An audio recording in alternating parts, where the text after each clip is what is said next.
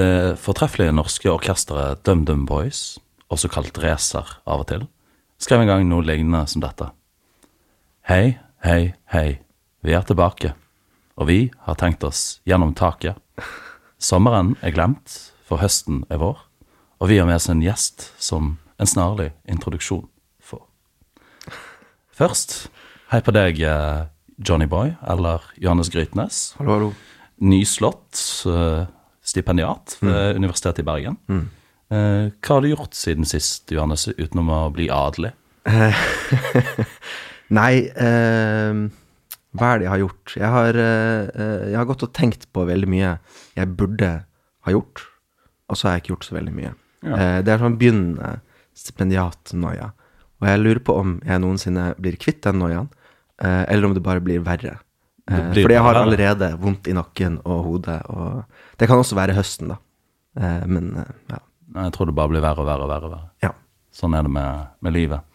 Eh, det er jo ikke bare sportsklubben Brann, som vi alle er glad i, som rykker opp. Eh, også antidepressiva eh, rykker opp i Du har jo, by the way, eh, eh, skrevet eh, masse tekster, har jeg fått med meg, om sportsklubben Brann. Jeg har til og med blitt mobbet. Eh, det, det er en sånn illustrasjon i Gaffa der eh, jeg står noen som skal se ut som meg. da.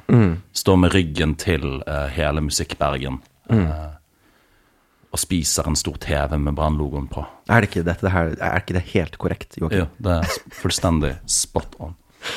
Eh, Men det er som sagt ikke bare Brann som rykker opp. Vi i Antidepressiva har òg et lite opprykk i dag.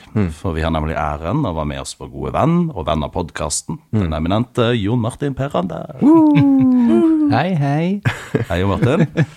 Jeg eh, antar at eh, noen, eller kanskje til og med flere av våre lyttere, kjenner godt til hva du kan, og hva du ikke kan. Eh, Men for å gi en liten kort oppsummering. Du er òg stipendiat, eh, stipendiat, i allmenn litteraturvitenskap ved. Universitetet i Bergen. Og kanskje mest aktuelt til dagens podkast, så skrev du i de riktig gamle dager en eh, masteroppgave om tragisk taushet. Det gjorde jeg. Stemmer det? Det stemmer. Det, det begynner å bli riktig gamle dager nå. Ja. Så uh, ja. Er Steinalder, ikke det? Ja. sant? ja. Og hva er så tragisk taushet? Det kan du jo undre deg over, eh, kjære lytter. Eh, Vi ber deg med forutsetningen at våre lyttere eh, med andre kjønnsidentiteter og kjønnsorganer kan unne seg litt fantasi, om å se for deg at du lever i et samboerskap og har tisset på dosetet med den enkle, stinkende guttetissen din. Dette er på mange måter en atskillig mer kompleks situasjon enn det du, kjære dumme lytter, i utgangspunktet kanskje ser for deg. Jeg vil gå så langt som å hevde at det å tisse på toalettsetet ikke bare er et spørsmål om skyld eller uskyld, har du tisse på setet, ikke tisse på setet. Idet du passerer din samboer og både erkjenner i ditt sinn hva som faktisk har, og erkjenner i ditt sinn hva som faktisk har funnet sted. Det er noe mer som faktisk har skjedd der. Den berømte dråpen i begeret, den uunngåelige skjebne, stillheten, skvetten på kanten. Det er både en viss trass og en viss selvnytelse i denne overskridelsen som forsegler det uunngåelige samlivsbruddet. Enn så lenge har du ikke tatt steget over i skyld. Du holder godt kjeft. Hun smiler mot deg mens du skvetter en siste rest i buksebenet. Du er et slags limbo før din feite kone forlater deg, og manifesterer det gjennom skjebnens uunngåelige gledesskvette. Allerede forseglet samlivsbrudd. Alt dette erkjenner du i taushet. Fastfrosset kjenner du noe rennende i sokkene dine. Det er som om kuken din feller en enslig, taus tåre idet du oppfyller din skjebne. Har jeg nå oppsummert tragisk taushet på en adekvat måte, Johan, Jon Martin Perander, eller er det noe mer som foregår i dette begrepet? Kan du f.eks. utvide vår forståelse av hva den greske tragedien er, og så gjøre oss litt klokere på hva du mener med dette her?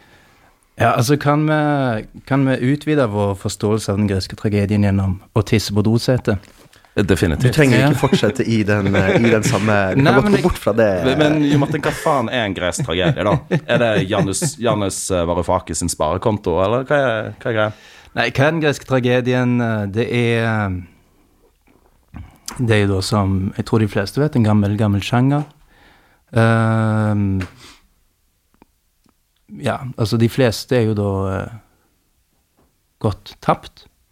Eh, men vi har da eh, tre forfattere, Aiskelos, Sofokles og Euripides, som til sammen har skrevet Eller det er bevart 32 stykker, tror jeg, eh, av dette greske tragedier. da. Um, Noe ferdig, noe uferdig. noe, noe uferdig, noe Ja. ja. Så eh, det så eh, vi, vi kjenner jo alle ordet tragedie for daglig tale. Det er triste greier. Mm. Eh, det er ofte død og fordervelse. Eh, ofte har du eh, noen forskjellige guder som dukker opp, bare for å påskynde denne prosessen. Mm. Eller for, for å liksom uh, straffe folk for sine egne feil, kanskje? ja, for, nei, egentlig bare for å straffe dem for å Altså er gudenes egne feil, på noe. Ja, rett og slett. Rett og slett. Mm.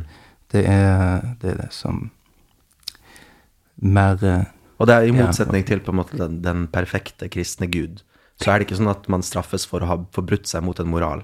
Man straffes for å ha forbrutt seg mot gudene. Altså eh, bare ved å, å f.eks. se på dem, så, så har man forbrutt seg. Nå må ikke du undervurdere den gammeltestamentlige Gud der, eh, Johannes. Nei, nei, nei, det den, altså, nei, nei, nei, vi må ikke glemme den. Men, men, eh, men gudene er liksom Ja, de er, ikke, de er ikke gode, på noen måte. De er liksom Det er bare agerende, Ja. hva man si. Ja, altså, de eh, De er vel først og fremst langt, langt vekke. Mm. Altså, de, eh, de har ikke De har ikke sånn som eh, Når vi da snakket om den gamle testamentlige eller kristne guden, de åpenbarer seg ikke på samme måte. Mm. De, eh, det er et veldig klart skille mellom hva som er en, en gud og et menneske. Mm. Og med en gang da et menneske nærmer seg en gud for mye, så Ja, som en møll Mm.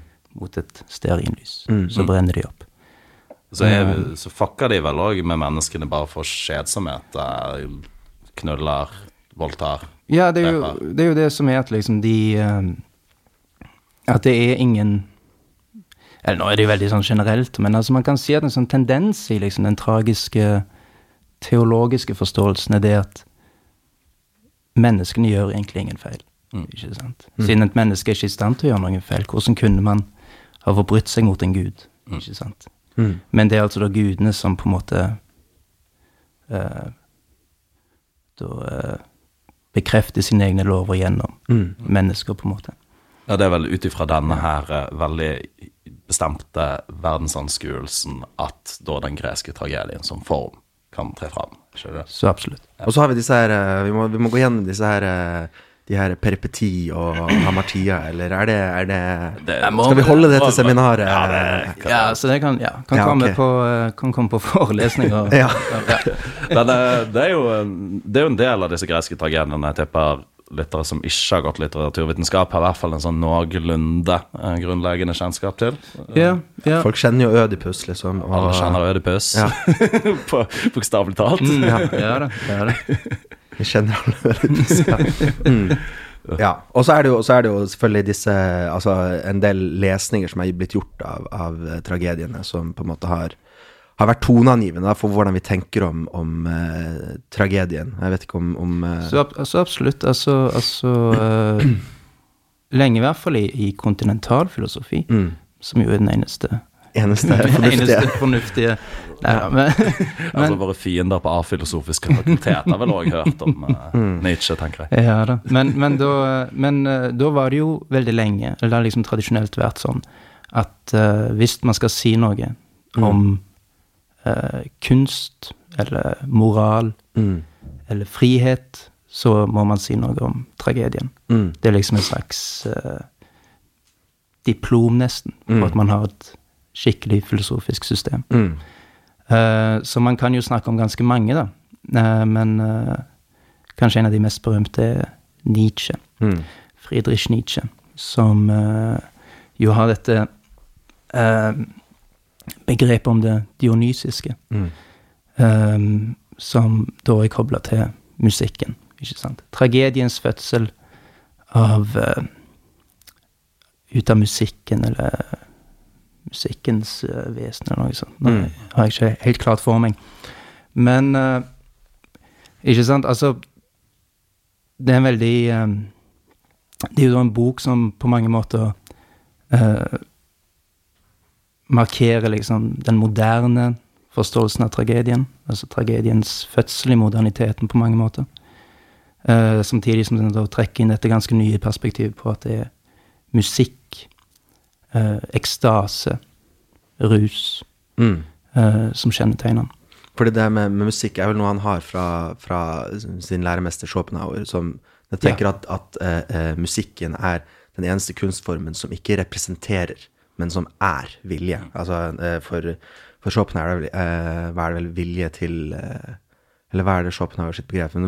Nietzsche har vilje til makt, mens Schopenhauer har eh, Er det vilje til liv, eller hva? hva- Jeg husker ikke. Det er bare vilje. Vilje. Ja. Det er bare vilje. Ja. Ja, og så, eh, og at musikken er den eneste kunstformen som uttrykker ren vilje, mens alle andre kunstformer uh, representerer, da.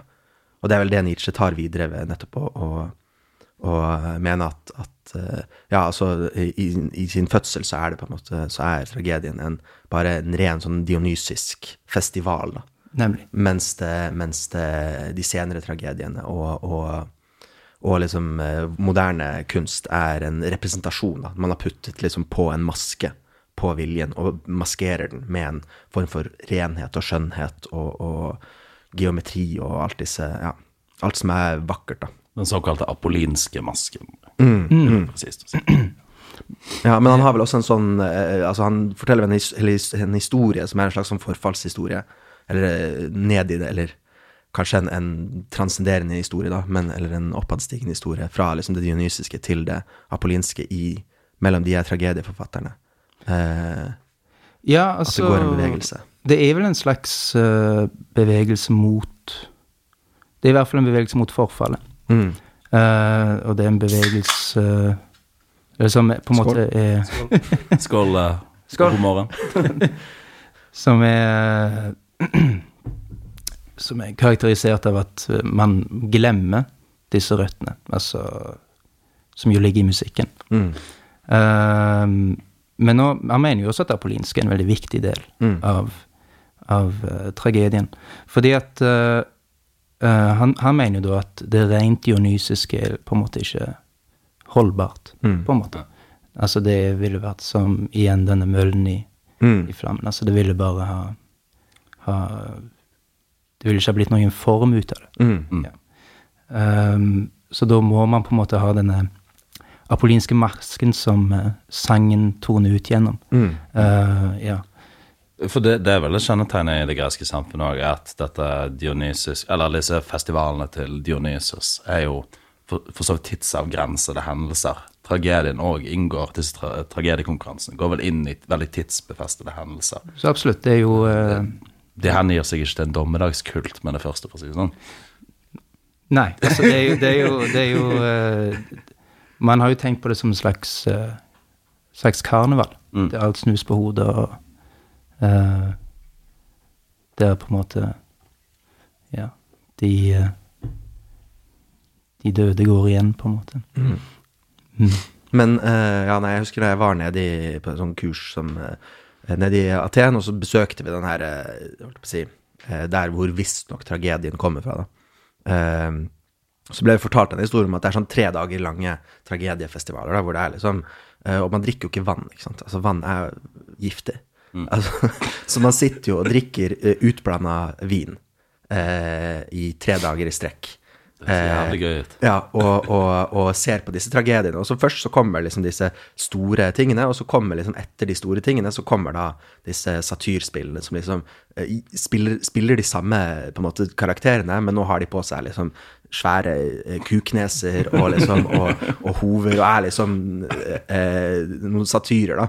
Eh, og på en måte gjør narr av, av de samme. Så man kan se for seg at man sitter sånn i, i seks timer og ser på sånne tårevåte, grusomme eh, skjebner osv., og, så videre, og så kommer liksom satyrspillene og gjør narr av det hele rett etterpå. Kan ikke vi gjeninnføre den tradisjonen? Det var så jævlig fett å gå på teater og se et fossestykke. Mm. Og så gjenspille fossestykket rett etterpå, bare at karakteren har sånn gigantisk kuknese. For at det er jo noe, er noe vi kan alle være enige om at eh, Jon Fosse mangler litt humor. Noen kommer til å komme. Ja, ikke sant? Det er lavteng, lavthengende frukt. eh, Alt ligger i mellom linjene, vet du. Ja. Men eh, eh, så tenkte jeg også på, på altså Fordi den andre kanskje mest toneangivende lesningen da er jo Hegel sin, som er jo kanskje Der hvor Nietzsche og Schopenhauer er litt mer sånn eh, Å, denne masken er på en måte falsk eh, Eller ikke falsk, men det er en form for formgivning til det opprinnelige kaoset. Så, så uh, har vel Hegel litt mer sånn uh, at det er en, en uh, oppadstigende dialektikk mot rasjonalitet og ånden som frigjør seg selv, på en måte, gjennom Ja. Ja, altså, altså Det har jo da i hvert fall en, en retning Mm. hos Hegel. Altså Nietzsche sitt, eh, sitt poeng er jo at eh, altså, tragediens motto er at det er ikke verdt for et menneske å leve, ikke sant? Mm.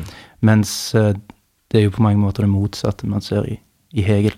Men eh, det hindrer jo ikke Hegel sin tragedielesning fra å være veldig Fra å være kjennetegn av liksom destruksjon, da. Mm. Det er jo det som eh, eh, på en måte er hans eh, prosjekt, og vise at dette har eh, Denne ødeleggelsen Mm. er liksom et nødvendig steg da, på åndens fremadstigning. Mm. Og da leser Sånn han jo eh, Antigone, da. Da leser han Antigone, ja. Antigone, Ja. det er det jeg må si. det var vi enige om før vi begynte. Hvor mange Ja. Nei, det er ikke lett. Det er ikke lett. Nei, det er vanskelig. Nei, altså, Antigone, det er jo da eh, Hva skal jeg si hva den handler om? Eller, Ja, ta, ta, Ja, ta, oss igjennom. igjennom. ta en liten, eh, ta en liten som vi hadde, vi hadde et lite pensum. Så, så hvorfor ikke? Jo, altså det er jo uh, For de som ikke kjenner til Antigone, så uh, handler jo da den om um, Ødipus' eh, datter. Og hvis man ikke kjenner til Ødipus, så Så ja. get fucked. Så get fucked. Dette er da bok tre i Ja. Ødipus-triologien? Yeah. det? Ja, det er bok tre, ja. Bok uh, Ja, bok tre. Så, så det er um, Så um, Da går da historien som så at uh, At uh, Ødipus er jo død. Mm. Uh, og- Spoiler. Ja. så det er da hans sønn Hans sønner, Mm. Polynikes og Eteokles, som eh, er igjen i Teben, og som skal herske der. Eller, ja, dette jo da før han er død, men uansett. Så um, Og de begynner da selvfølgelig å krangle om makten. Uh, og ender med at uh, Polynikes blir sendt i eksil. Uh, hvor han da treffer, i, i bok to av trilogien, så treffer han da, eller han oppsøker Ødipus, som er i ferd med å dø, og ber da om sin fars velsignelse i å ta tilbake byen. Så Ødipus blir ganske rasende, da, siden han skal ikke ha noe mer med disse her. Mm. Så han eh, erklærer da en forbannelse over sine sønner, om at de skal da dø ved hverandres hånd. Um, og det gjør de. Polynikes drar tilbake til Teben og prøver å ta tilbake den, og begge to Ja, de dør da for hverandre sånn. Og så begynner Antigone. Da er det da søsteren til disse to, og Mm. datteren til Ødipus, for så vidt også hans søster. Ikke sant? Mm. Um, som um, Som da ikke har noen igjen, ikke sant? Mm. Altså, hele familien er jo utsletta. Um, eller du har en søster, da, men, men det er ikke så viktig. Ehm, og, hun, eh, og så får hun da vite at eh, at eh, den nye kongen i TV-en Mm. har sagt at Polynikes kommer ikke til å bli begravd. Han er jo en fiende av staten. Mm. Og litt kontekst der kanskje er nødvendig. Det er vel noe av det Det er noe av det verste du kan gjøre i det gamle greske oh, ja, samfunnet, ja, ja. med å ikke gravlegge folk. Men altså, for, altså Det er ganske gale her også, vil jeg nå si. Ja, altså, altså nå også. Det Altså, Jo, men det, er vel dette med sjelen ikke yeah. da kan ta bolig i dødsriket. Ja. Greit, nok at det er litt moralsk forfall, men vi driver nå fortsatt og gravlegger våre døde. det gjør vi. Det gjør vi. Ikke på Os. Ja. Det er sant. Men, men så er det som, eh, som man har sagt, at dette her var egentlig ikke så veldig uvanlig praksis. Altså Man begravde ikke nødvendigvis sine fiender. Mm. Ikke sant? Ehm, så det er jo da den menneskelige loven, Mm. som Hegel kaller det. Eh, det at eh, den som prøver å forstyrre fellesskapet, må på en måte støtes ut av det. Men så det, da har du da den, den andre loven, familieloven, som jo nettopp sier at familien har rett Mm. til å på en måte begrave sine døde. døde. Liksom At det er gjennom det familien opprettholdes. At eh, familien opprettholdes gjennom dødskult. Ikke sant? Eh, og da er det da det Antigone skal gjøre. Hun begraver sin bror, selv om det er dødsstraff for å gjøre det. Uh, og så blir hun da tatt. Hun prøver ikke å gjemme seg, hun skal gjøre det veldig opp i dagen. Uh, og hun blir da uh, dømt, dømt til døden. Eller dømt til å begraves levende, faktisk. I en sånn fascinerende liten ironi der. Mm. Den døde som ikke begraves, og den levende som begraves. Um, og så kommer jo da selvfølgelig en spåmann. Eiresias heter han. Uh, ja da. Og han sier det at eh, dette, dette går jo ikke an. Det kan jo ikke. Han sier det til kongen, da. Krean. Dette er eh, Nå har eh, Nå har eh, Nå har eh, templene i byene begynt å bli beflekka av eh, lik og sånn. Dette er veldig, veldig dårlig. Veldig dårlig tegn. Eh, så Kreon sier jo da Å, jeg skal jeg har ombestemt meg. Mm. Så han eh, drar da til denne graven som Antigone er lagt i, og finner da ut at hun har drept seg sjøl. Mm. Men han finner også eh, sin sønn, som jeg glemte å nevne, som jo er trolova til Antigone, som da faktisk har blitt helt febrilsk med det. Han likte hun veldig godt. Så han, eh, han er også der, da. Eh, og eh, tar også da sitt liv. Uh, så kommer det da en budbringer til Teben og forteller om dette her. Så da um, Som jo da får um, uh, Ja, det, det ble ganske rotete, dette Mm. Men, uh, men Ja, så det er en budbringer som da sendes tilbake fra graven til Teben og forteller om dette fryktelige som har skjedd, ikke sant. Nå har liksom uh, prinsen drept seg sjøl. prinsens mor får jo da høre dette, så hun henger seg. Ja. ja. Det er lystig lesning, dette her, eh. Ja, og så kommer da Kreon tilbake, og så får han da virkelig skjønne Mm. hvor, eh, hvor galt alt har gått.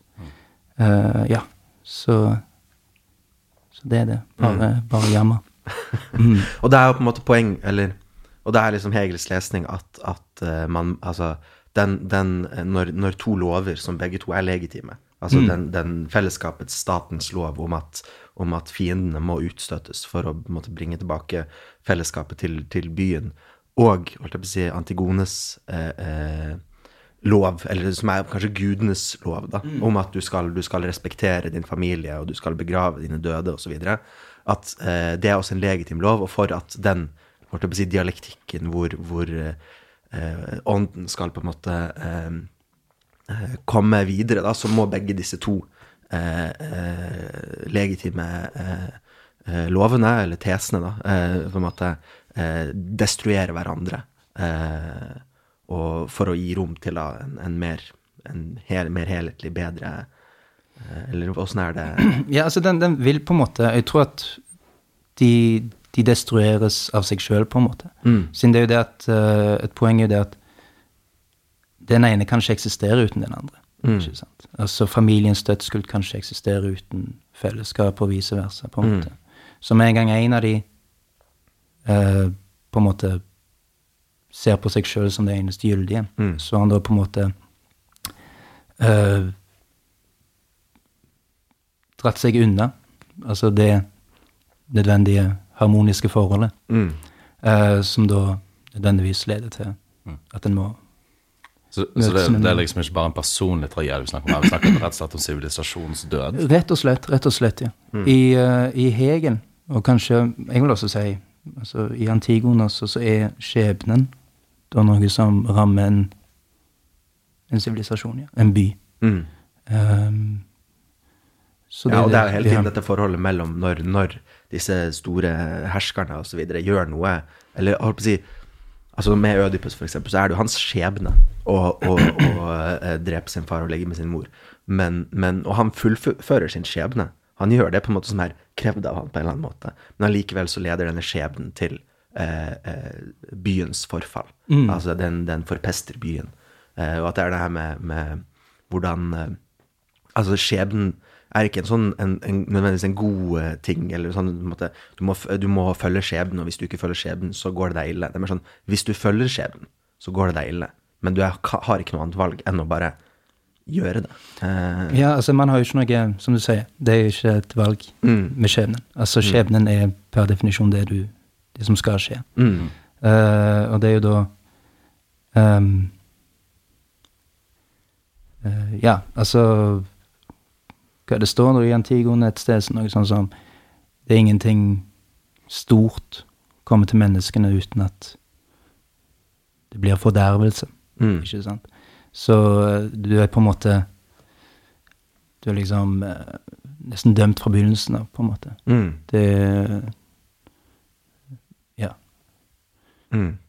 Ja, nei, men ehm, hvis, vi, hvis vi kan eh, ta det til, eh, til eh, litt grann til vår egen Eller hva, hva er det på en måte hva, Hvordan skal man lese disse tragediene i dag, på en måte? Hvordan skal man uh... Du har jo et ganske nytt begrep uh, som du introduserer i masteren din. Uh... ja, det som vi begynte på. Ja? Ja, den Den tragiske tausheten. Du begynte ikke på det, du, du snakket deg utenom. Jeg snakket, vi snakket opp og rundt, og, som vi oh, gjør i ja, den podkasten. Det er podkastens skjebne. Ja, ja, ja. Men eksempel i Antigone, da, som eh, vi har gått ganske grundig igjennom, hvordan kommer dette med tragisk taushet, og hva er tragisk taushet, til syne i Antigone? Vel, altså, i Antigone så er jeg egentlig litt, eh, litt usikker. Eh, man kan si uh, Altså, nå er jo tragisk taushet et veldig uh, ganske vanskelig begrep, egentlig. Noe som det Det, det, det, um, det har en viss sånn der, sånn der eh, Sånn radikal, nesten håpefull Mm. uh, aspekt, aspekt ved seg. Uh, nemlig det at når da en tragisk helt eller heltinne i dette tilfellet har tatt på seg sin skjebne, tatt på sin, sin skyld, Mm. så er jo skylden uh, Da er det ikke lenger noe som kommer utenfra, men det er noe som på en måte er på en måte indre. Mm. som da eh, Som da tar på en måte å kansellere eh, liksom gudenes eller demonenes makt, nesten. Siden liksom skylden er selverkjent, ikke sant. Mm. Så eh, At det ligger en form for agens i den, eh, i den eh, selvpåtaget Ja, altså det er kanskje sånn at, at det ligger en eh, Kanskje også litt motsatt, at det egentlig ikke ligger noen At man bare på en måte blir et tomt skall da, mm. For denne skylden. Uh, som da på en måte uh, bærer med seg denne, og som da på en måte lar et nytt fellesskap vokse fram. Mm. Det er i hvert fall Det sånn er for en sånn martyr... eh, Så- ja, så Skulle til å trekke inn Ja, eh, ja. vår Herre Kristus uh, i det han eh, etter denne eh, Når han bærer sitt kors, så har han jo på en måte eh, gått inn i sin skjebne. Mm. At han skal ta menneskehetens synder på seg. Han har jo han har ikke forsonet seg med det, på en måte. Han har blitt det. sånn. Han har tredd inn i noe annet. Ja. Um, Og det er, det er jo klart også, når vi snakker om vår Herre Kristus Ja. Ja, alle sammen tar korset. Så, så er det jo helt åpenbart at hvordan, hvordan uh, fortellingen om Jesus også er en tragedie. Altså det er skrevet over samme lest som de greske tragediene på veldig mange måter. da. Men det er den her eh, selvfølgelig som er kristendommens Hva kan man si? Den komiske tvisten. Den komiske Den tvisten. komiske tvisten er at han, han yeah. døde ikke likevel. Ikke sant?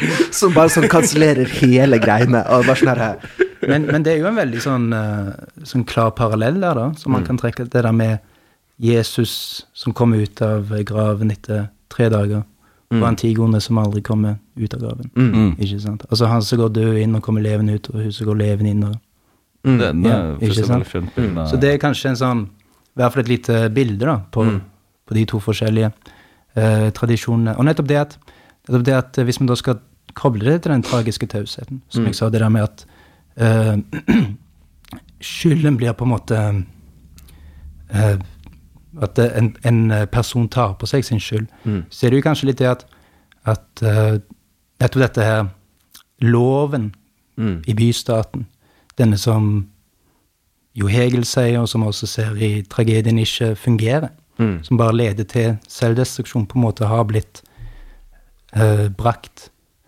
til ja, til taushet, ikke sant? Til sin lille underjordiske abode, Ikke sant? For at liksom noe nytt skal kunne komme. Mm. Ja. Mens liksom i eh, kristendommen så vil jeg tro at liksom dette nye er selve Det kommer liksom Det er det som kommer utenfra. Det er det som kommer, kommer ut. Da. Ja, at det er, det er en form for Der hvor holdt jeg på å si, i, i de greske tragediene, den tragiske tausheten, så er det noe med å ta på seg denne skylden og være en faktisk martyr, da. Ja, ja. Mens, mens i kristendommen så er det martyrdommen blir på en måte ja, nettopp kansellert. At den blir litt sånn Ja, det, det, det funker ikke. Skulle Altså, til å si at det er en opphevelse nærmest av skjebnen. Altså Det er en opphevelse av arvesynden. og det, er- og det er jo holdt jeg på å si, det Jesus gjør også. Han, Jesus han kommer for å oppheve skylden. Altså for å oppheve eh, skjebnen. Og for å New World Order. Ja, altså, og, og, og, og dermed kan man jo også si at det er, det er Jesus som leder til det, det si, eh, avslutter dialektikken. Eh, og Absolutt. Men, men, men altså nettopp ved at, ved at eh, fullbyrder ikke den martyrdommen og lar si, den, den eh, eh, skjebnen si, gå sin gang, og dermed, dermed vise eh, hvordan eh, statens lov er feil. Nettopp fordi at sånn Jesus bare sånn Ja, nei, men nå har det ikke noe å si, for nå, nå lager vi dette nye. Eh, altså helt eh, Ja. Altså, Jesus skjønte jo noe fundamentalt. Altså, Det går jo ikke an å drive med dialektikk etter Ødipus. Det er jo selve forbyrdelsen av det dialektiske og eh, penetrere sin mor. Ja, det, det kan man også si, hvis man vil det. Eh, men eh, Er det, apropos, det, apropos det å legge med sin mor, er det forfengt å utfordre skjebnen, Johannes Grytnes? Ja, eh, ikke sant. Eh, nei, jo, fordi at eh, eh, drev og forberedte meg litt, så tenkte jeg på det her eh, begrepet til, eller det her setningen til, til Mark som alle liksom kjenner til. ikke sant? Det er når han snakker om eh, den andre Napoleon, da, eller hva er det han heter, Napoleon eh, Nevøen til den første Napoleon. Jeg, husker jo ikke. Det er ikke sikkert alle kjenner det til dette, så du må Nei, men, bare men ta kjapt igjennom. Napoleon altså Først så var det på en måte Han kom liksom og, og, og skulle liksom være denne eh, frelseren for Europa, ikke sant, og, og ta de nye ideene og fullbyrde dem og bare, ja, gjennom vold.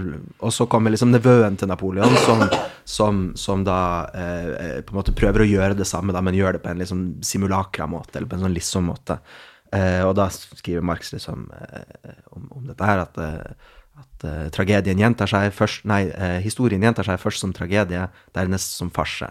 At det er liksom noe med, med At første gang det skjer, så er det liksom oppriktig grusomt. Altså, eh, mens andre gang så er det bare noen som prøver å gjenta denne grusomheten, men ikke helt får det til. da. Altså Det er litt sånn som når, når man liksom under restaurasjonen i, i Frankrike liksom skal gjenskape monarkiet, men så er det ikke liksom Tiden er ikke der. Det er litt sånn som med, med kongene nå, ikke sant. Det er en farse. Altså, det er å prøve å gjenskape den liksom den, den opphøydheten til kongefamilien. Men fordi at vi lever i dette eh, eh, skuespillsamfunnet hvor alt er på en måte oppe i dagen, så ser du jo på en måte at kongefamilien er ikke sånn her gudegitt greie. Det er en, en, en, en merkelig eh, eh, innavla eh, familie eh, som, som eh, bare ikke styrer noe. Altså det er liksom, da blir det, kommer det her farsegreiene. Men når jeg skulle liksom tenke litt på dette, dette eh, sitatet her, da, så, så fant jeg ut at det er jo egentlig ikke dette sitatet her vi skal bruke fra Marx.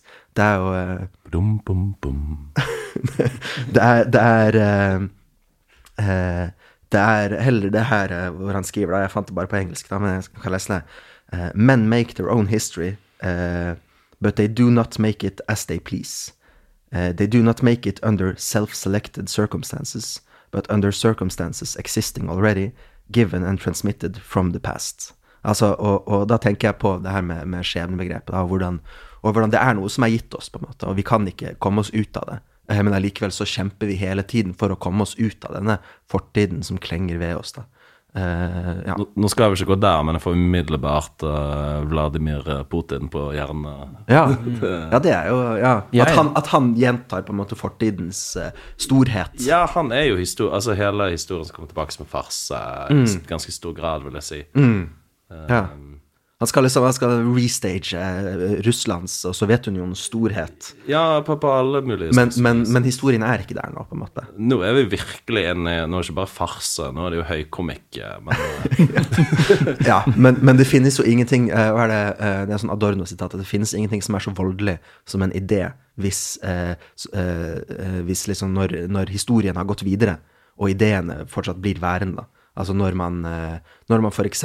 skal drive en, en, form for eh, eh kristen eh, statlig greie, sånn som man driver med i USA, ikke sant, det republikanske partiet. Man skal prøve å gjenskape den kristne storheten til, til USA, og så er det bare sånn ja, men, men er vi er ikke der nå, på en måte. Altså, det blir en sånn, da kommer det som en sånn voldelig fortid da, som skal på en måte prøve å gjenta seg selv. Så det er noe med å være, eh, være eh, up to date på liksom hva, hva er det historiske øyeblikket nå. Det er kun sånn man kan handle eh, si, politisk og dialektisk. Det er ved å, ved å være klar over hvilken, hvilken historie vi er i nå. da.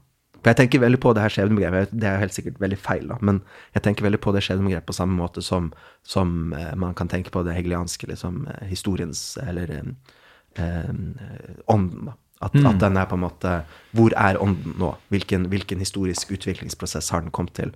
Og, og, det er kun ved å være klar over det, ved kun ved å se sin skjebne i øynene, at man kan handle. Men så er spørsmålet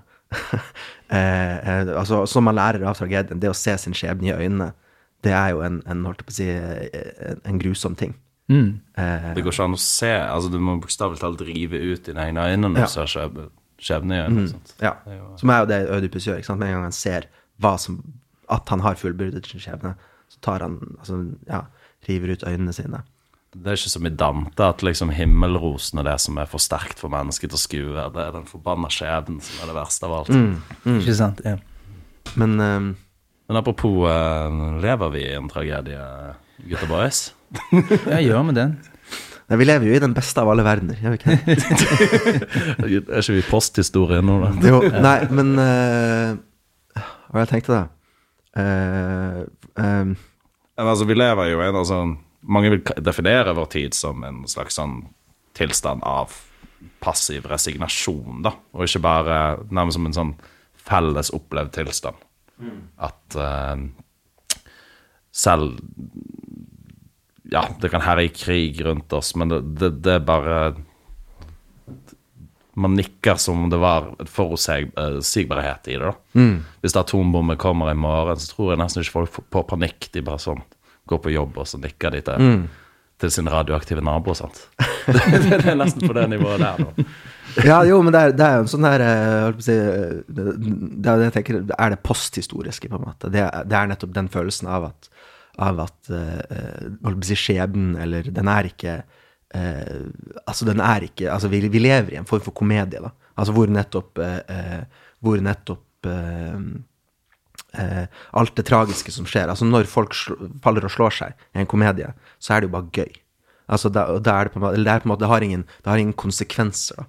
Mens i tragedien, hvis, hvis, det skjer noe, så er det på en måte Det har masse konsekvenser, og det, og Mens, mens Og jeg, jeg tenkte på eh, Fordi at eh, hun her eh, Chris Crouse, eh, som, eh, amerikansk eh, teori-fiksjonsforfatter, da, som, som, ble populær i Norge med I Love Dick da, for ti år siden autofiksjon? Er det så lenge siden? Det er så, du, begynner å bli gammel, eh, Martin. Det som er det virkelige tragedien. ja. Men er det ikke egentlig dette her som all, all tragedie er basert på bare sånn at man blir eldre og dør? Ja, ja, ja altså Så absolutt. For å sitere Sushi og Kobe, døden lever lengst. Mm, ja. Eh, men i hvert fall, hun har i hvert fall en bok som heter uh, 'Summer of Hate', da, hvor, som er en sånn post 9-11-historie. da, uh, hvor, hvor, hun på en måte eh, Altså, hun har drevet med kulturkritikk hele livet, men på en måte skjønner mer og mer at det er ingen som bryr seg. Altså, hvis du påpeker at CIA sin, liksom, sitt forsvar for torturteknikker eh, baserer seg på en, en logisk fallacy, liksom, at det, det, det, de sier sånn Ja, dette er lovlig, men ja, det er fordi dere har bestemt lovene.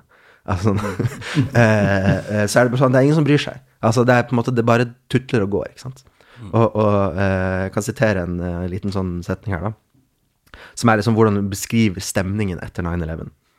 Eh, som jeg har oversatt i min egen frie hånd. Um, sier hun. Ofrenes betydning og arrestasjonenes hyppighet varierte, men det var likevel nok til å holde hele befolkningen i den samme terrorberedskapen som gjaldt på flyplasser og havner.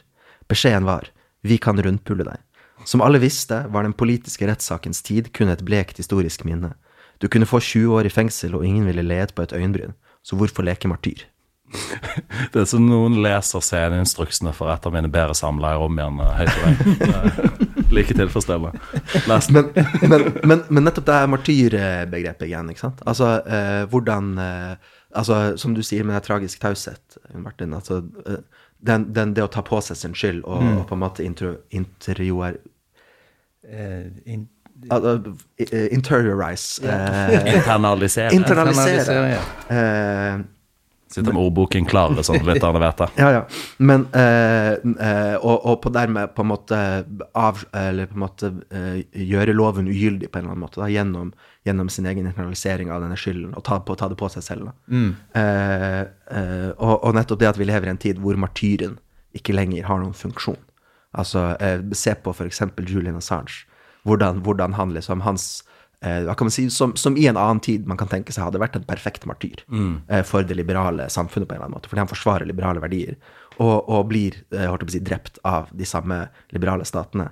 Men, men folk er litt sånn Ja, ja, men det- ting tutler jo og går jo, så hvorfor uh, Det Med fare for å høres ut som Gisle Selnes nå, men det er liksom Kristus gjenfødt i Life of Brian. Julian Assange-greien. Er det Julian Assange som er Jesus? Ja. Nei, men altså Jeg tenker, det, det, Der er du inne på noe som er veldig eh, som, som kanskje, kanskje man en liten sånn elefant i rommet, kanskje. Det er sånn Har disse Har tragedien, eller liksom de tragiske heltene, eller martyren, eller Altså, har de noen som helst eh, liksom, relevans da i det hele tatt. Altså er ikke Antigone sin lidelse en slags våt drøm for oss? liksom? Skulle ikke vi ønske vi kunne gjort noe sånt? Altså, uh, liksom At vi kunne, i kraft av vår handling, på en måte styrte staten. altså, men, men, ja, men det er jo det som på en måte er Det som da er det komiske registeret, er det at Men alt dette har skjedd veldig mange ganger. ikke sant? Alt dette er bare en kopi av noe annet. Altså, vi, vi vet hvordan den Eller det Ja, det er ingenting nytt. under- Nei, Så solen. vi, vi, har ikke, vi har Ja. nesten ikke mulighet til å fyllebyrde vår egen skjebne. Tragisk, hvor enn tragisk det måtte være. Det er som mm. hele, det er mulig som er sugd ut av væren og forlatt oss på sånn tomt, lite intet. Og jeg tenker, jeg tenker på forskjellen på, på Jeg bare spør. jeg, tenker på, jeg tenker på forskjellen på, på, holdt jeg på å si, den, den, altså de liberale vestlige demokratiene eh, og, og liksom eh, en stat som Iran, da, hvor, hvor martyrdommen fortsatt finnes. Altså, mm. eh, du ser med liksom de, de opprørene som er der nå, ikke sant. Så begynner vi rett og slett med en martyrdom. Altså, det var noen eh, Det er et navn man, man kan huske. Eh, hva var det hun het? Dette må vi google, for det er faktisk litt flaut. Ja. Eh, For hun er jo faktisk Jeg, en martyr. jeg, jeg, jeg. Jeg leste det senest i dag. Så, så, og, og, og, og hvordan, hvordan uh, det viser på en måte hvordan man opererer i et litt annet register, da. Altså i, i, uh, i uh, Iran enn en i f.eks. Norge. Heter uh, Masa Amini. mm, ja. Så, som, og jeg, jeg ser for meg, altså som eksempel i, i USA, så prøver man jo å starte disse martyrgreiene hele tiden, men det på en måte fall, faller litt sånn Folk er litt sånn her Ja, ja, men ja, enda en svart mann som blir drept. Ja. Men det er, jo, det er jo såpass Det er jo nesten som om hver lille sånn fragmenterte del av Amerika lager sin egen martyrskikkelse. Sant? Om det verder seg Trump eller uh, han, mm. George Floyd. Det er, så myten lever jo videre i ganske sånn funksjonell politisk grad, men det, det er såpass oppspaltet at det får sånne farseelement over seg mm. som totaliteter. på en måte. Ja, det, det føles litt sånn herre enda, et, enda, en, enda en som blir drept av politiet. Enda en som Altså, det er på en måte Og det, jeg tror det er noe av det eh, Chris Crouse beskriver, da. Den følelsen av at den politiske å si, dialektikken funker ikke. Altså det, fordi at alle er på en måte enige om at dette systemet vi har nå, det skal vi ha for alltid. ikke sant? Altså, Det skal ikke skje noe her nå. Vi skal kanskje flikke litt, og som de sier, few bad apples. ikke sant? Man skal liksom luke ut de dårlige eplene, eller man skal eh, eh, gi litt mer penger der og litt mindre penger der. Men det er ikke noe sånn her, det er noe grunnleggende råttent i the state of uh, America. Men vi går jo vi er på mange måter tilbake i ørken der alle går og danser rundt hver sin ku. Det er jo, eh, Ja, Absolutt. så ja. det er jo det er Jeg syns det er et ganske bra bilde. Mm, ja. Uh, så, så jeg tenker på det her med hvordan, hvordan Men som også er sånn altså, For hvis du tenker på, på altså For i sånn islamisme og sånne ting, så er jo martyren en veldig uh, viktig skikkelse. Altså uh, i, i den palestinske frigjøringskampen. Ja, og- men òg kommer ikke hele liksom, skillet mellom Shia og Sunni fra hele den martyrtanken. da. og jeg skal ikke uttale meg om forskjellen på Shia og Sunni. jeg, jeg tror eh, det er liksom der skillet mellom Sunni og Shia oppstår i det det er en sånn arvekonflikt etter Mohammeds død. da. Mm. Eh, hvor eh, den ene som er gift med datteren til Mohammed eh, Altså profeten Ali, ikke sant? Ja, Ali. Ja. Han, eh, han blir ikke valgt etterfølger, da. Ja. Og så ender det hele så utrolig tragisk eh, der. Ja.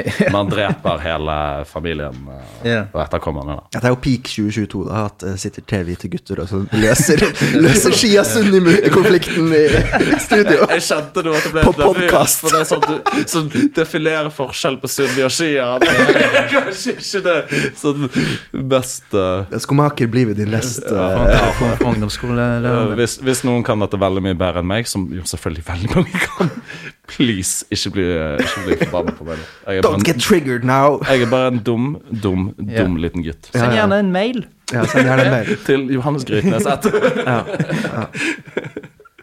Ja, nok om, nok om eh, det.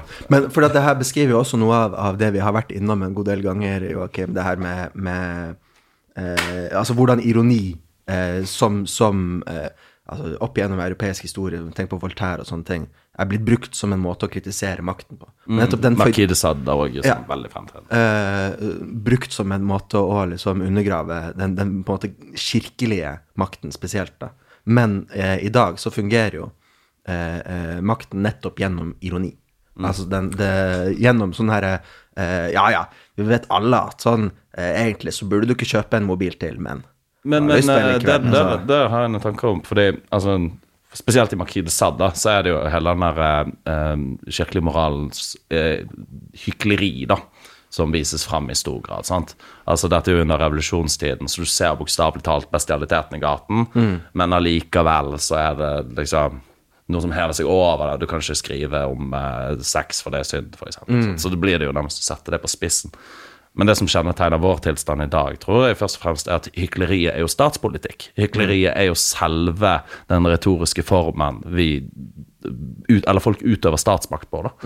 Det, er jo, eh, det er jo det som er modus operandi for all maktutøvelse, er hykleri. Det, det er jo nærmest en kunstform. Igjen for å snakke om Vladimir, eh, selve hyklerens eh, gud, men òg når vi snakker om alt fra Trump til Jonas Gahr Støre. Det er jo en form makten uttrykker seg på i dag, som, er, som gjør at ironien ikke funker på samme vis. Sant? Du kan ikke avsløre hykleri gjennom ironisk form.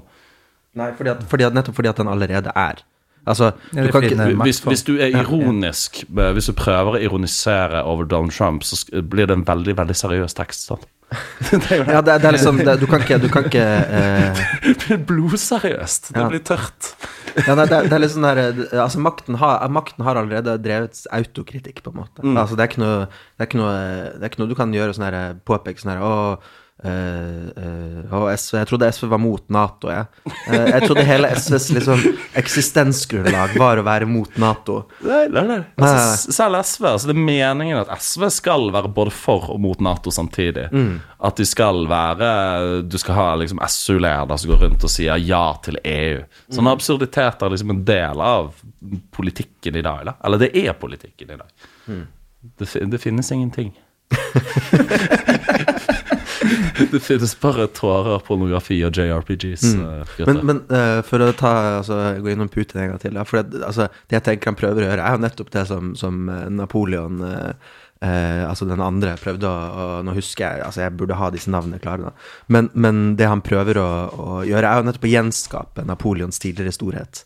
Men fordi at, eh, fordi at liksom, Russland i dag er ikke eh, jeg holdt på å si, verken et sånn eh, tidlig modernistisk eller et, eller et føydalt samfunn. Selv om det er deler av det som er føydalt. Det er kanskje derfor Putin også er populær. Men, men, men Putin prøver å gjenskape en føydal, eh, tidlig modernistisk eh, eh, maktform i et postmoderne samfunn. Altså i et eh, senkapitalistisk samfunn. Men, men igjen tilbake til farsen. Altså, det er jo hysterisk morsomt bare det at det er en russisk statsleder som prøver å gjenskape Napoleon. Bare det i seg sjøl er jo hysterisk morsomt. Ja, han prøver jo ikke gjenskape, han prøver å gjenskape jeg holdt på å si, Stalin ja, og, og, men Ta, ta. Napoleons form, da. Ja, ja. Men eh, kanskje ubevisst, så er det jo, er det, jo det. Og det er jo hysterisk morsomt. Eh, For de som har lest 'Krig og fred', så er jo denne rasjonelle russiske generalen som sakte, men sikkert sliter ut det overkåte Napoleon, som gjør leder til seieren. sant? Mens nå er det jo det stikk motsatte. Nå er det jo mm. Lille, lille Putin på hesten i baris med sabelen høyt hevet. hevet. Uh, Ja. så Det er jo historien som virkelig kommer tilbake som farse, men kanskje ikke helt på den måten vi trodde. Nei. Nei, nei, og, men altså, det at det er farsaktig, det betyr jo ikke at det ikke er voldelig, på en måte. Eller ja. farsen er kanskje også voldelig, Ja, ja, ja. altså, eh, og, og tragisk. Men at det er på en måte i, i ideene så er det er liksom farsaktig. Men en, en annen ting jeg tenkte på, som, som er, er et lite hopp, da. Eh, nå finnes det ingen eh, myk overgang. Det er ingen av oss som har gått på sånn overgangskurs på, på NRK. Jeg var på overgangskurs forrige uke. Overgangskurs. Hva er et overgangskurs? Et overgangskurs, eh, det er vel eh, Nei, hva er det, da? Nei, du var ikke på noe overgangskurs, du snakker bare tull. Eh, men, men fordi at eh, Det er ikke lov å være filosofisk. Nei. Reflektere over opplevelsen eh, overgangskurset. Nei, men, men ehm, For jeg tenkte også på, på Når vi skulle snakke om tragedie og sånne ting, så tenkte jeg på, på eh, Altså, for, hvis det, for, for meg, da, hvis det finnes, er noen som filosof som opp, opererer i det jeg tenker er liksom skjebnens register, så er det på en eller annen måte Heidegger. Altså fordi han, fordi han eh, eh, nettopp ehm, eh, Altså, hva er eh, Prøve å finne på en måte eh, Hva er vår oppgave? Hva er vår eh, Hva er vår eh, Hva kan man si eh, I hvert fall, i hvert fall i deler av forfatterskap så er det det her med Hva er liksom vår historiske oppgave? Hvordan, hvordan eh, Hva er det mennesket må ta på seg uh, for å bli menneske, på en måte? Yeah. Um, og det er liksom prøve, prøve å finne denne skjebnen, da. Og da, og da eh, Agamben skriver denne teksten, Agamben, nei, Heidegger og nazismen, skriver han om hvordan uh, Heideggers liksom leting etter, etter uh, menneskets historiske oppgave blir en, en eh, Altså han sammenligner det med en grevling som graver et Eller en rev, da, som, eh, som graver et hi eh, for å gjemme seg for fienden. ikke sant? Prøve å finne sitt hjem, der hvor man skal bo. Eh, men så viser det seg, da, for det er, det er en historie fra Kafka, eh, så viser det seg at, at eh, det reven faktisk har laget, er en felle for seg selv. Fordi at når han går inn i det, gjemmer seg for, for liksom andre i, i denne Eller er det grevling? Jeg husker ikke om det er rev muldvarp eller noe? Altså, Jeg bare plutselig fikk eh, det gode gamle antidepressiva bildet med middelklassens stakittgjerder inn på hjernen. Ja! Okay. Stakittgjerde er, er liksom De, det går i fell. Ja, muldvarpens uh, eh, eh, hi. Så man prøver å lage seg et hi, men så blir det en felle. Ja, ja. Men det tror jeg Agamben ville vært helt enig i. Dette er offisiell kanon. Ikke det som er diktning, ifølge Heidegger, å lage seg et stakittgjerde? Jo. Finne seg et sted å bo. Men, men, men så dette, på en måte å grave det hullet, da blir på en måte Når det da fienden kommer, så er du da så gravd inn i det hullet at du kommer deg ikke ut. Ikke sant? For det finnes bare én utvei. Uh, It all makes sense. ja. Uh, og så uh, Og så eh, Ja, så siterer han på en måte noen, noen sånne eh, nazistiske eh, teoretikere, da, altså biologer osv., som Som man gjør på en fredagskveld. ja, som, som man gjerne sitter og gjør, da. Eh, eh, som hvis, hvis på en måte ordlegging ligner veldig på Heideggers ordlegging, da, om hvordan eh, Altså det å påta seg sin faktiske eksistens, da, som er, som er Heideggers ord, eh, som politisk oppgave, eh, det blir da i nazismens liksom, paradigme, så blir det at den biologiske arven er den, er den faktiske eksistensen, altså ditt, ditt biologiske, hvordan du ser ut biologisk, eh, og det er da din oppgave å fullbyrde denne biologiske arven.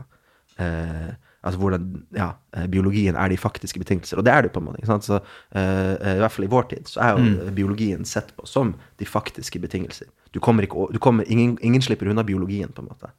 Eh, og det er da på en måte også en form for skjebne. Eh, og det ser man jo også i, i de gamle tragediene, hvordan disse arvesyndene går nedover. eh. Ja, ja, ja. Nå, nå kaller vi det gener. Mm. Ja, så absolutt. Makes you think. Så og så vil jeg gjerne sitere noe han, eh, han eh, eh, sier her, hvor han da på en måte kobler dette her til, til oss, da, eh, og til vår tid. Eh, og liksom det, det som vi har vært innom med biopolitikk tidligere, da. Vårt århundres, og nå siterer jeg, vårt århundres totalitarismer utgjør i virkeligheten den andre siden av den hegelsk-korsevianske ideen om en historisk slutt. Og det er en forestillingen om at, eh, om at uh, historien er liksom kommet til sin slutt da etter, etter andre verdenskrig. Eller etter uh, Sovjetunionens fall, er det vel.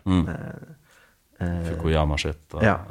Mennesket har allerede nådd sitt historiske telos, altså sin historiske oppgave, Uh, og det gjenstår ikke annet enn det menneskelige samfunns avpolitisering gjennom den ubetingede utfoldelsen av oikonomias herredømme, eller også antagelsen av selve det biologiske liv som høyeste politiske oppgave. Og det er på en måte den tanken om at eh, altså, vi har ikke lenger noen politisk oppgave annet enn eh, si, utbredelsen av livet selv. Altså gjøre, gjøre sånn at vi lever lengre og, og eh, spiser sunnere og røyker mindre osv. Eh, Og det er på en måte politikkens oppgave. Og når politikkens oppgave blir å forvalte det biologiske liv selv, da har vi å gjøre med en, en, en, eh, en litt skummel figur, da, ifølge Agamben. da. Det er vanskelig å være uenig med han i. Mm. jeg tror jeg. Absolutt. Ja, men er det eh, Er dette skjebnebegrepet på siden, mener du, eller er det Nei, det tror jeg ikke. Men, eh, men da kommer liksom litt eh, Litt sånn ubehagelig tilbake Tilbake til det. Til, I hvert fall tilbake til Antigone. Mm. Siden Ja, han som du nettopp nevnte, ikke Agamben, men Heidegger Mm. jo også en veldig kjent Antigone-lesning. Mm. Um, som jo nettopp eh, har blitt sett på som et av hans mest Eller kanskje ikke mest, men hans mer nazistiske Mm. skrifter. Han, eh, han bruker en eh, korsang, ganske kjent korsang, der det het noe sånn som at det fins ingenting mer fryktelig enn menneske. Mm. Det er ingenting mer merkelig. Det er et, det er et veldig spesielt ord. Deinos. Uh, det han nettopp sier, det er at mennesket er det som på en måte må ta seg med vold fram gjennom væren. Ikke sant? Som da på mange måter eh, liksom at han må gjøre sin, eh, sitt bosted han til et sted der han ikke kan bo. ikke sant? Mm. Liksom, han, er, han er aldri hjemme der han er hjemme, på en måte. Som jo jeg tenker er sånn der Man kan jo spørre om ikke den skjebnen, da, Mm. som eh, mennesket har tatt på seg, ifølge han, da, Mm. har på en måte blitt fullbyrda gjennom konsentrasjonsleirene. Mm. Ikke sant?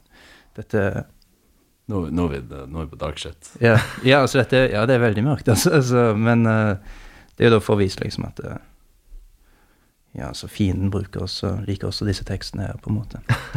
Um, Ja, som jo er også er et poeng. Uh, ja, er det veldig jo, Jo, jo. det, At, at tragediene brukes jo. Ja, og kanskje Ja, så, så det er jo nå i hvert fall en del av dens historie. Mm. Um, men jeg tenker altså dette her eh, Denne her eh, Dette stedet der man på en måte alltid er utenfor, på en måte. Mm. Der man alltid uh, Der man på en måte ikke Ikke lever i en, i en stat lenger, men på en måte man lever i staten av, i kraft av å være liksom dens avfall, på en måte. Mm. Det er jo noe som Det er jo også noe som Agamben mener kjennetegner uh, moderniteten, Mm. ikke sant? Så da eh, Så det er jo liksom en, en sånn litt sånn Via den omveien, da, via Heideggers nazisme, så kan man si at at uh, Antigone egentlig er en tekst om vår moderne tid. Mm. Nettopp fordi den sier det er umulig å være et menneske, ikke sant? Ja. Altså at uh, uh, enhver vei man finner, er en blind vei, Mm. og enhver uh, by man lever i, så er man en uh, Så er man hjemløs, på en måte. Mm. Ja. Men det er jo altså, si, fordi at mennesket er hjemløs i seg selv.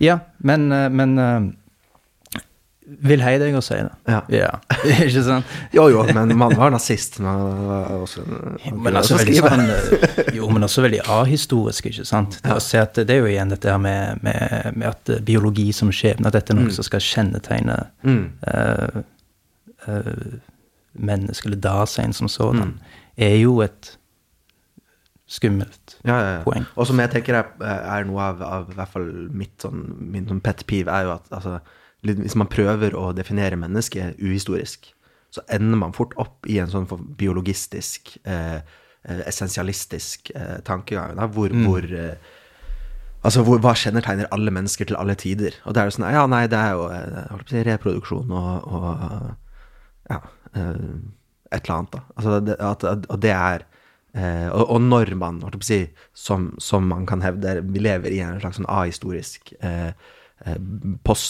eh, tid, altså en, en posthistorisk tid, så, så er det på en måte Hva, hva gjenstår som menneskets oppgave, da? Annet enn å eh, forvalte livet selv. Eh, og da på en måte når man skal begynne å forvalte livet selv, så blir det eh, så blir det sånn Ja, men ok, hvordan lager man et bedre liv? Jo da, for eksempel Altså, da kommer man plutselig veldig fort ned i sånn eh, Ja, eh, psykisk utviklingshemmede, det er jo et uverdig liv, og så videre, og så videre, ikke sant. Altså, så tar man det gående eh, mot en sånn Prøve å eh, ja, sortere bort da, eh, de, de eh, For å bruke et litt ladet uttrykk eh, De, de, de livene som ikke er verdt å leve, da. Ut fra et sånt biologistisk tanke om, om livets liksom Prøve å gjøre livet bedre og bedre, da. Når det bare er å si, den hedonistiske lykken som gjenstår, og ikke å si, politikken, da, som, som ja, følger Gambens poeng. Så den siste tåren som renner fra kukens hode, var ikke piss, det var køm? Hva mener han? Jeg tror han har lyst til å gå hjem. La, la det ligge litt åpent. Ja, men, men um, Hva var det jeg tenkte på nå? Jo, uh, fordi at det her forholdet mellom politikk og skjebne. At det er jo også en eh, eh, Rassika har jo en, blant annet en sånn eh, låt sammen med Gå går jo for Ones. hei deg etter Rassika nå. Ja, ja, ja. Det er, litt, det er litt av poenget da, ikke sant? Og, og, eh, Hei, Maria.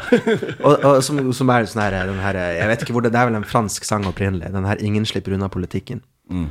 Eh, Ja, den er jo coveret eh, ja, de coveret den. Ja, det er det. Jeg tror de coveret den svenske versjonen av den franske. Ja, ok. Eh, eh, og der så Altså den her forestillingen om at politikk på en måte er skjebnen. At det er eh, noe vi ikke slipper unna. Eh, og samtidig så er det jo også Altså, hvis man tenker på skjebnen som noe negativt, sant, så er det som Ja, for veldig mange så er politikken eh, noe eh, vi opplever som ofre av. Altså man er offer for politikken. Altså slik, slik eh, man kan tenke seg at ukrainerne er offer for en geopolitisk konflikt, ikke sant. Ehm, men samtidig så er det også noe med eh, Altså hvis vi prøver å snu på det, da, og tenke ok, positivt, hvordan kan man tenke skjebnen positivt? Hvordan kan man tenke dette utsagnet 'politikk er skjebne' positivt? Så kan man jo også tenke at det er eh, Altså at politikken handler om å jeg holdt på å si finne, jeg holdt på å si finne seg selv, men, men å finne ut hvilken form man har lyst til å gi livet. Ja. Eh, Jeg, jeg vil ta det lengre. Hvis politikken er skjebne, så er jo fellesskapet skjebne. sant? Det er jo en fin tanke. Ja, men, men også er liksom Og så er spørsmålet hvordan eh, eh, forvalter vi dette fellesskapet da, for å bli de vi vil være, på en eller annen måte. Eh, Er det nå vi må ha Dionysos-kulten tilbake på programmet? Ja, kanskje. Kanskje. Det hadde kanskje ikke vært så dumt. ja, nei, men, men eh, fordi at hvis man tenker på Altså eh, sånn som eh, Sånn som Ja, jeg tenker på det innimellom, da, at, at skjebnen er en form for magmastrøm, ikke sant. Eh, og, og eh, Poetiske greier vi har, det. det Ja, ja, ja. det er Jo, ingen jo. tvil. Men, men eh, ja, nå må ikke du undergrave poesien med din ironi. Jeg undergraver ikke hylla. Ja, ok, det er bra. Men eh, eh, Og hvis man da tenker på den magmastrømmen, ikke sant, så er det sånn Det vi ser av denne magmastrømmen, altså det er jo det som kommer til overflaten. Altså Det er de kontinentene som lages. ikke sant? Og så kan vi si at sånn Ja, her er Dette er Afrika, og det er liksom laget av Det er der, på en måte. Og dette er det fjellet, og det er der. Eller eh, mens, mens det som er det faktiske det som er det, altså, For vi ser bare de, de på en måte eh, objektifiserte eh, si, produktene av magmastrømmen. Vi ser ikke selve magmastrømmen. Eh, eh, og det er lett å tenke da, ok, hva er mennesket? Jo, det er dette si, objektiviserte, denne tingliggjorte, forsteinede tingen, som vi må på en måte definere hva er.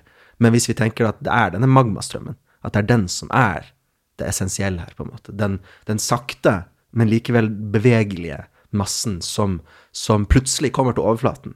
Du vet aldri når det kommer en eller annen erupsjon eh, eh, et eller annet sted. Da. Og det er eh, Og det er eh, Ikke se på meg, men Og det er Og det er Altså, og da er det på en måte det som blir eh, kan man si, for, for min del av kritikerens oppgave, eh, kulturkritikerens oppgave, å, å finne ut hvor Eller legge til rette for disse erupsjonene. Legge til rette for at magmastrømmen skal komme og lage nye kontinenter. Da. Ja, men da eh, Det er jo et fint bilde. Men, men, men det er jo veldig, også veldig eh, Jeg tenker det har, har jo også sin egen kritikk i seg. Altså hvordan Hvordan ser man hvor utbruddet kommer? Ikke sant? Altså Men da, der tenker jeg jo f.eks. poesi har, har Nettopp fordi at i motsetning til veldig mange andre eh, si, kunstformer, da, kanskje vi snakket om musikken også, men så, så er på en måte eh, eh, poesien prøver nettopp å, å gjennom å gå dypt inn i det partikulære, prøver å komme til det man, noen ville kalle det ubevisste, eller som vi kanskje kunne kalle liksom, dette underjordiske, da, som, som er det som eh, holdt på å si, skaper oss, eh, men som vi ikke har tilgang på. Eh, som man i det vanlige livet ikke ser. Eh, fordi man er for opptatt med alle disse statuene som Magmastrømmen har lagd. Så ser man ikke eh, det underjordiske bevegelsen. Da, som, som, eh, og det er på en måte da det poesi, og kanskje kunst generelt, prøver å gjøre. Da. Prøver å, å, å, Ok, vi ser denne statuen, men, men, men hvordan ble den sånn? Ja. Altså for eksempel eh, det her diktet til eh, Wordsworth er vel Det er A slumber did my spirit seal. Mm. Eh, hvor, hvor, eh, hvor det er en forestilling om at eh, det er den vakre kvinnen ikke sant? som ser ut som om hun er udødelig. Altså fordi hun er så vakker. Eh, men så liksom i neste strofe så er det det her eh, No motion has she now, no thought she neither hears nor sees. Rolled round in earth's diurnal course with rocks and stones and trees. Eh, og, og, og det er først, altså for de første strofe, det er hun på en måte den udødelige statuen. ikke sant? Bare vakker og u, mister aldri sin ungdom. Men når hun er død, og roll round in earth på en måte er, er blitt jordlagt, da blir hun på en måte den delen av denne eh, bevegelige massen. Da. Så hvis vi, altså, og der kommer igjen med det her med, med det å se sin skjebne. ikke sant? Hvordan ser man sin skjebne? Og det er nettopp ved å slutte å se. Altså ved å ikke la seg blinde av tingene, på en eller annen måte, men å prøve å se hvordan det som går under tingene, på en eller annen måte. Jeg synes det, er veldig, det er en veldig fin eh, tanke, men jeg, jeg- klarer ikke å unngå å tenke på at det òg er liksom grunnplottpoenget i Final Fantasy 7. For det er jo det.